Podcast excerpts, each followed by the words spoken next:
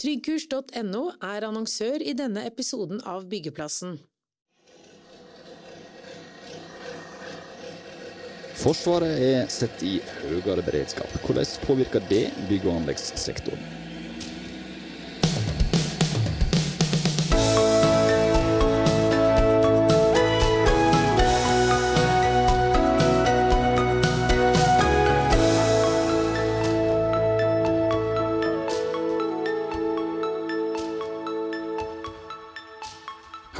Velkommen til en ny episode av Byggeplassen. Jeg heter Frode Aga og skal lose deg gjennom dagens sending sammen med sjefredaktør i Byggindustrien bygg.no, Arve Brekkhus. 31. oktober så varsla regjeringen og statsminister Jonas Gahr Støre at Forsvaret må rigge seg for forhøya beredskap i minst ett år framover.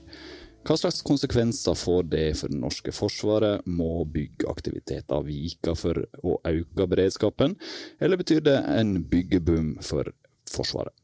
Det er noen av de spørsmålene vi har lyst til å stille i dag, og vi håper at dagens gjester kan gi oss noen svar. De kan jo få lov å introdusere dere sjøl. Jo, takk for det. Mitt navn er Tormod Heier. Jeg er professor i militærstrategi og operasjoner ved Stabsskolen på Forsvarets høgskole her i Oslo.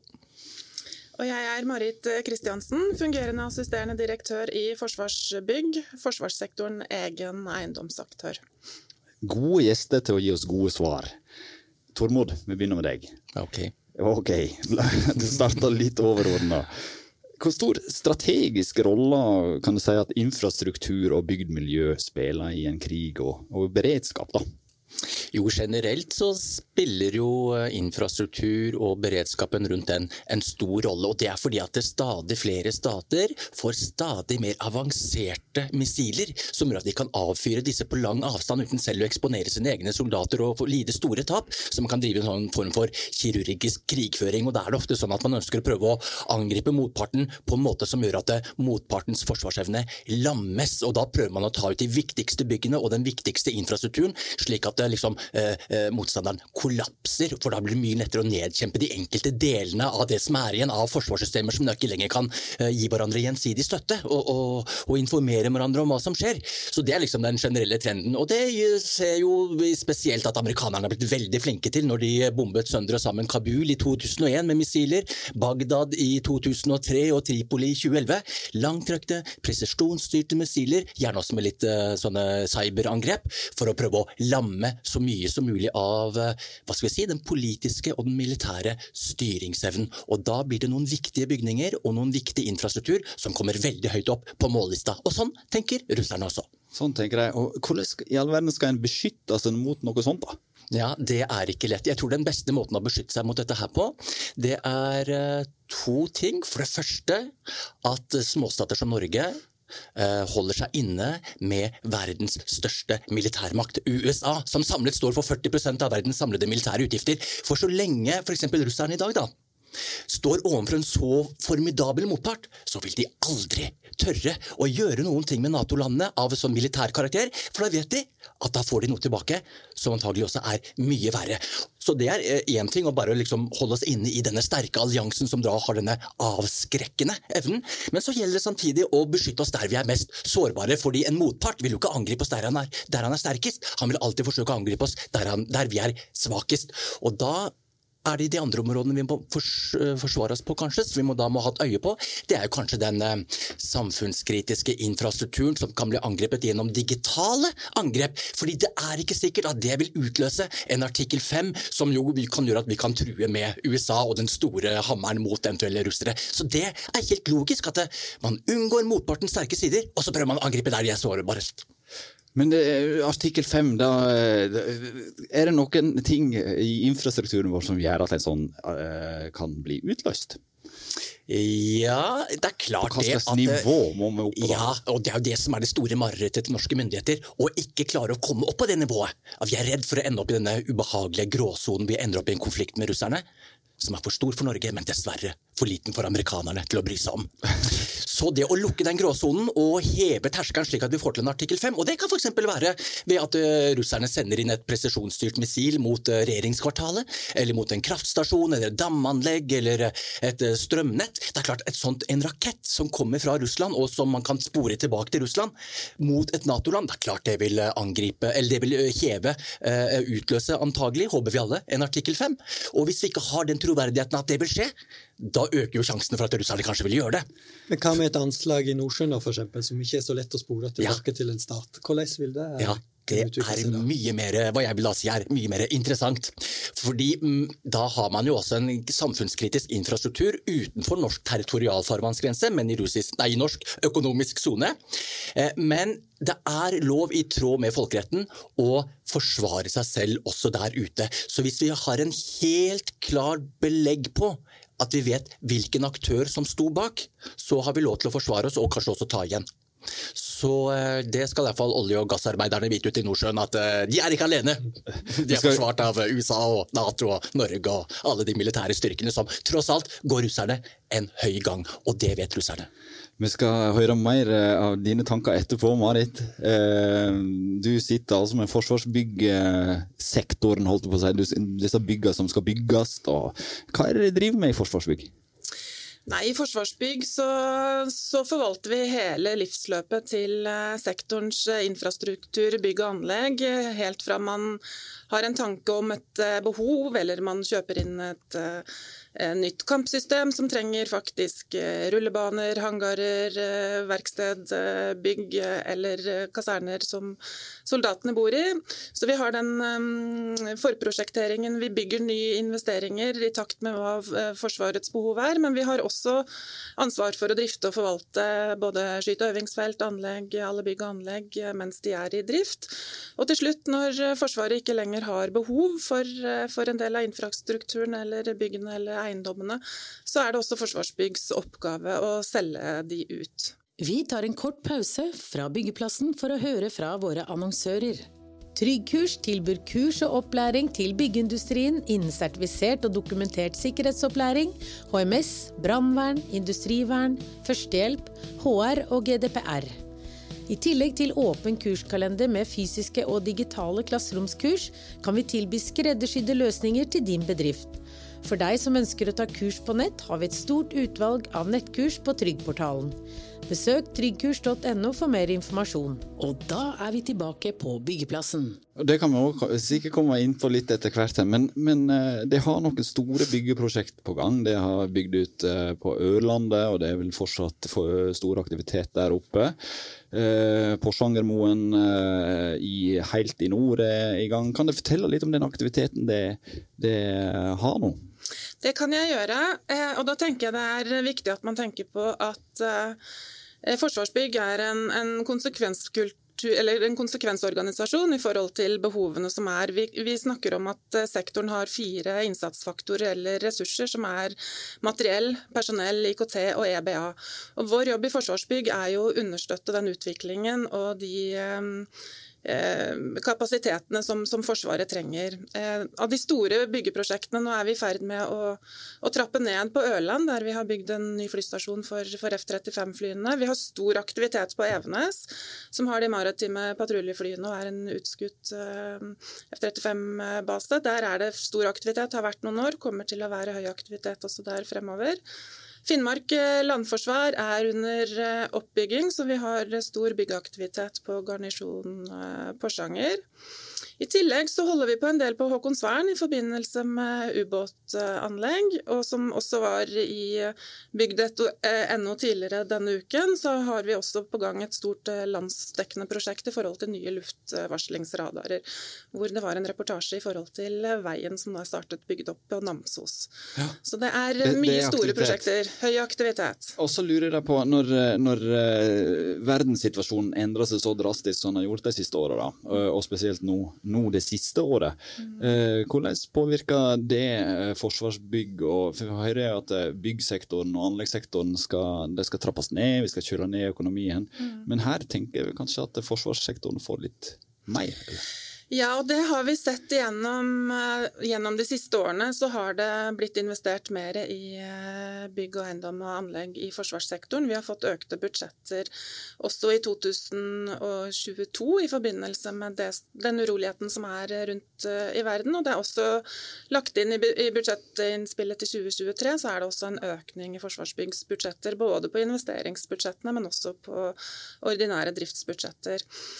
Og som det ble nevnt på på pressekonferansen fra forsvarssjefens side her eh, tidligere i uka, så er det nå Vi er i en situasjon hvor vi eh, må gjøre noen omprioriteringer. Vi må kanskje legge mer inn i å få det vi har til å virke, og virke fortere. Og så kan det være at vi har eh, langtidsperspektiver og prosjekter som kanskje nå går inn i en pausemodus. Og det betyr jo Eh, for Forsvarsbygg også at vi må omprioritere kanskje noen av våre prosjekter for å enda bedre understøtte både Forsvarets eh, behov her hjemme, men også de forpliktelsene Norge har i forhold til alliert mottak og, og forsterkninger, som, som, er en viktig del av det. Så det er ikke sikkert vi får en byggeboom, med andre ord. Det er mer eh, kanskje satsing på våpen og personell, da, eller?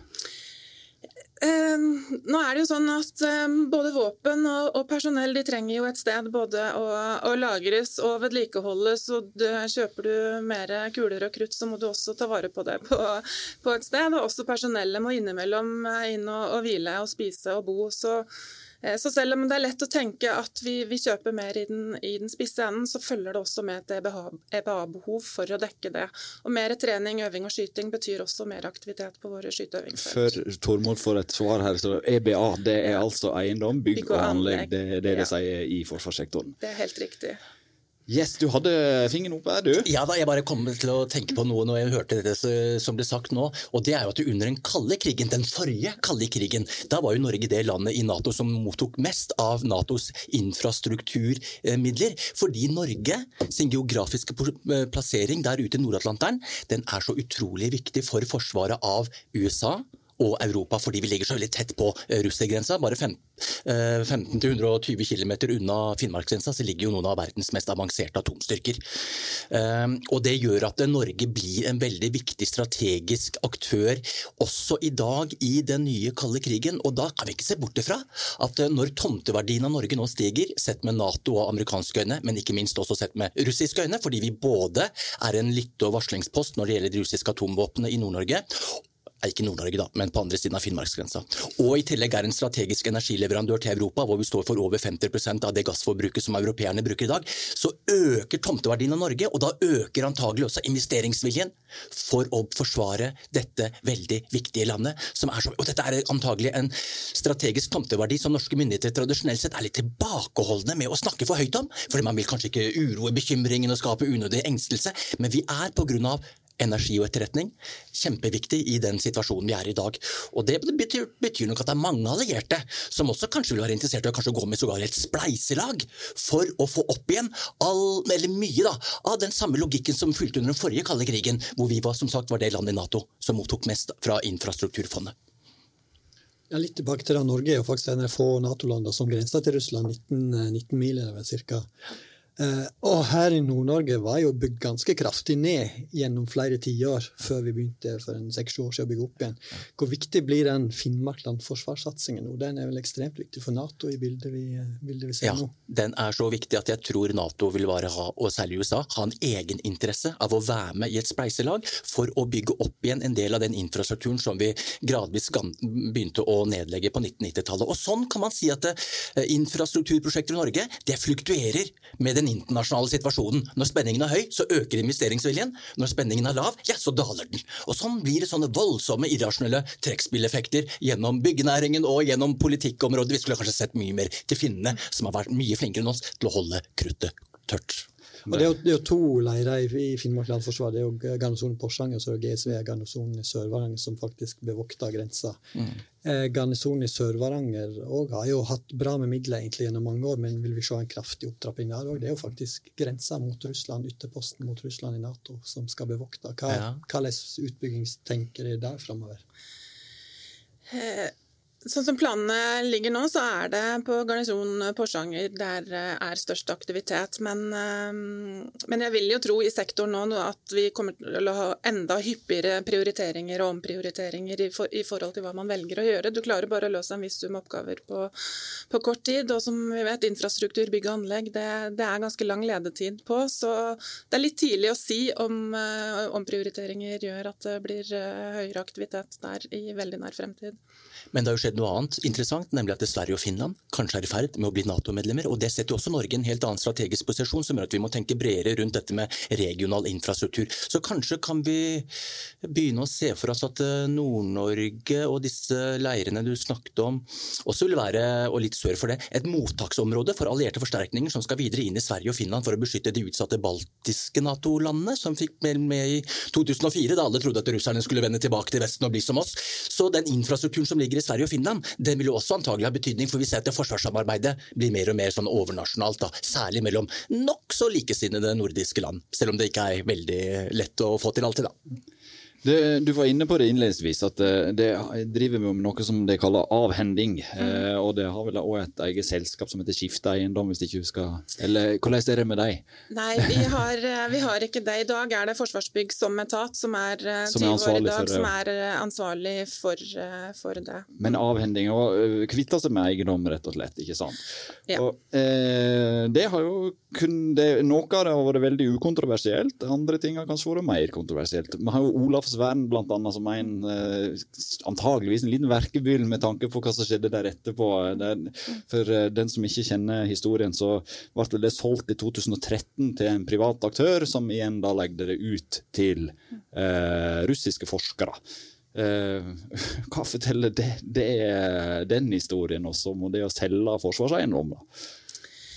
Ja, jeg, tenker det er verdt å, å, å, reflektere over det. og Som Tormod uh, sa her for, for, litt siden, så er dette en sånn trekkspill som går litt ut og inn basert på den uh, geopolitiske situasjonen og hvor, hvor vi står. Um, Forsvarsbygg er en etat som opererer på vegne av eier Forsvarsdepartementet, og vi avhender eiendom fordi Forsvaret ikke lenger, lenger trenger det. Og Så kan man jo tenke at beslutninger tatt uh, for noen år tilbake er tatt i en, i en annen setting enn nå, så, så jeg skjønner at det stilles spørsmål spørsmålstegn ved det, når vi ser at det behovet som kanskje vi har nå og, og fremover, betyr at en del av de avhendingene som har vært gjort de siste 10-20 årene, fremstår i et annet lys. Altså, jeg tenker det er en mm. debatt som eh, absolutt eh, er verdt å ha på bordet. Hva tenker du om det, Tormod? Ja da, nei da, det er ikke riktig. Tanker rundt det, det, I etterpåklokskapens lys så virker det litt rart. Og det får jo bare være en lærepenge om at vi må forstå det at alle aktører i Russland, enten de er sivile eller militære, de har som regel ofte en underliggende politisk agenda. Mm. Og det er kanskje noe som vi i Vesten ikke er helt vant til, for vi er vant til så klare grensesnitt mellom private, kommersielle aktører og offentlige, statlige aktører. Mens i Russland så liksom den strategiske tilnærmingen til Vesten, når man er så militært underlegen, så er det helt rasjonelt å begynne å blande disse ulike aktørene på sivil og militær side, og se på alt som potensielle virkemidler som kan understøtte statens nasjonale interesser, enten det er sivile forskningsfartøy eller øh, fisketrålere eller øh, forskningsfly eller hva som helst. Men så må jo vi på vestlig side også passe på at da må vi ikke mistenkeliggjøre alle russere av den grunn. For det er jo mange som også bare er vanlige sivile, som ikke har noe eh, sånn sikkerhets... Eh, som ikke flyr med drone kanskje ja, daglig? Riktig. Ja, nemlig. Og det har vi kanskje også sett litt eksempel på. Så vi må passe oss da, for at vi ikke blir med og hauser opp stemningen for mye også. Ja. Og det, når det gjelder da, utenlandske aktører og sånne ting, og jeg regner med at i, i Forsvarsbygg så har jeg kanskje en annen filosofi og andre regler rundt uh, anskaffelser, f.eks. når det gjelder utenlandske entreprenører eller prosjekterende. Det er, er helt uh, riktig. Vi er jo underlagt uh, sikkerhetsloven og regimet som gjelder der i forhold til uh, anskaffelsesvirksomheten. vi har jo i lang tid hatt spesielle krav til våre leverandører, entreprenører og hele leverandørkjeden som skal enten inn på skjermingsverdige objekter eller jobbe inne i anlegg, eller få tilgang til eller produsere gradert informasjon. Så der har vi lenge stilt krav om sikkerhetsklarering av arbeidende personell, selskapsklarering og sikkerhetsavtale med, med leverandøren, og kontroll med leverandørkjeder og eierskap. I noen prosjekter så er det sågar sånn at leverandørene eh, jobber og tilvirker og tenker inne på, på, våre systemer og vår eiendom for at ikke vi skal eh, få informasjon som, som, glipper ut. Så vi har nok i en god del av våre prosjekter et helt annet sikkerhetsregime enn det man er vant til i bygge- og anleggsbransjen. Så da sitter en og avskårer f.eks. fra internett og ja. inne i lukka, helt lukka rom? Det kan være. Mm, ja. ja. Eh, du sier at vi må ikke bli for uh, ja, mistenksomme, da. Vi har jo noen kinesiske aktører som har lukta på det norske markedet og faktisk bygd bruer her. og Det er jo statseide selskap. men dette her er jo ikke forsvarsinfrastruktur sånn sett. Går det greit? Ja, jeg lurer på om det kan være klokt å lage et skille mellom det som er digital infrastruktur versus det som er fysisk betonginfrastruktur. For eh, den digitale infrastrukturen, den går det jo an å avlytte og dermed misbruke, spesielt fra land som vi, hva det PST sier, vi ikke har et sikkerhetspolitisk samarbeid med. Eh, så der ville jeg vært mer eh, mistenksom, da. Eller mm. årvåken, som det så politisk korrekt heter. Men når det gjelder denne betonginfrastrukturen med jernbane og broer og veier, veier og tunneler og sånn, ja, ja, er det kanskje en like stor risiko der for at kineserne kan eh, underminere eller kartlegge konstruksjoner på disse sakene, og at det vil ha en stor sikkerhetspolitisk effekt om noen år frem i tid, eller ikke? Og der tenker jeg kanskje at mistenksomheten bikker litt over, men igjen, jeg er jo ikke noen ekspert på sånne dimensjoneringer av sånne betonginfrastruktursaker. Det er jo mange som sier at vi er på vei inn, eller allerede er inn i ny kald krig. Men er det sånn at bildet, handelsbildet om de vi samarbeider med, vil være de vi kaller de allierte nå, eller vil vi ha et sånn som vi har hatt det i mange tiår nå, at vi handler med hele verden, at det er frihandel og fri flyt av alt, egentlig? Ja, Det er et godt spørsmål. Jeg tror, slik jeg ser det, så ser jeg nok tendenser til en slags todeling. Eh, og de som ikke vil like denne todelingen, det er jo kineserne. For en forutsetning for deres eh, vekst og innflytelse i resten av verden, det er jo nettopp et åpent, stabilt økonomisk marked hvor de kan få lov til å handle både med det liberale vestlige verdensorden og med russerne og Sentral-Asia og de mer autoritære statene. Så jeg tror nok kanskje ikke ikke da at vi ser så mye av, kommer til å se altfor mye av denne todelingen. Den vil først og fremst rette seg mot eh, et land, verdens største, nemlig Russland. Men igjen, de har jo bare en økonomi på størrelse med Texas, en BNP på størrelse med Italia, så det er jo liksom ikke all verden, tenker jeg da.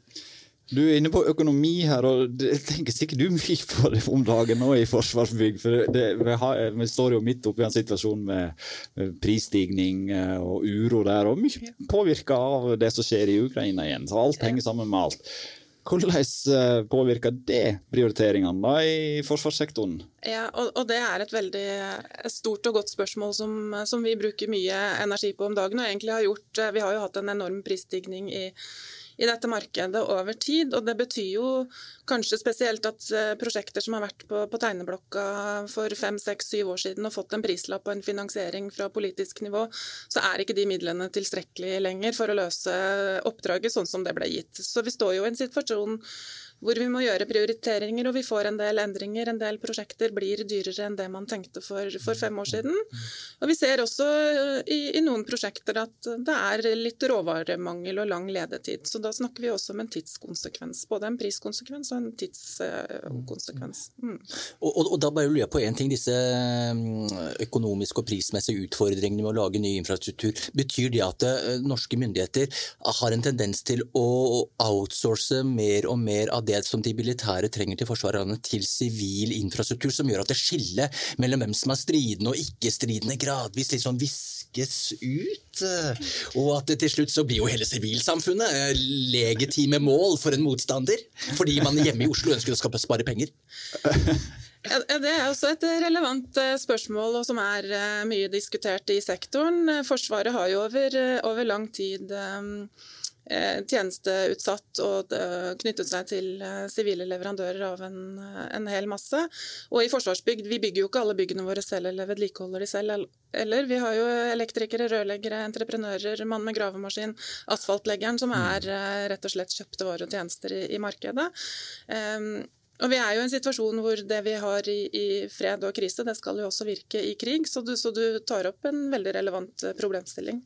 Du gjør det. Mm. Er det det vi kaller et totalsforsvar? Er ikke det i Norge at vi skal ha totalsforsvar? Vi skal ha folk spredt over hele landet, skal bo folk over hele landet, vi skal ha kompetanse til å vedlikeholde og bygge opp igjen systemet hvis de går ned. Og... Er ikke det en viktig del av Norge? Vi har jo ikke så stort forsvar at vi må organisere oss på en litt annen måte enn en del andre nasjoner.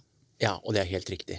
Ethvert eh, la oss si russisk da, eh, anslag eller press eller liten krig mot Norge, det vil jo med en gang sett med norske øyne med 5,35 millioner innbyggere oppleves som en eksistensiell trussel. Og det legitimerer at hele samfunnets samlede ressurser kanaliseres inn i en sånn eksistensiell overlevelseskamp. Og i det perspektivet så er nok dette kanskje fullt ut legitimt. Det skulle kanskje bare mangle, og jeg vet mange nede i Europa ser opp til Nord-Europa, til Norge, Sverige og Finland, og misunner oss denne logikken.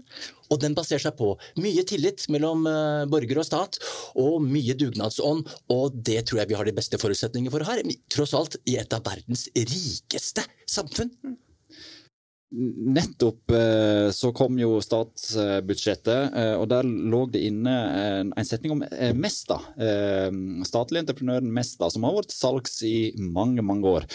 Eh, nå er ikke den til salgs lenger, i hvert fall ikke fullt og helt. og Det forteller vel noe om at vi har lyst til å ha litt eh, kritisk be beredskap på, på, på eh, infrastrukturen vår.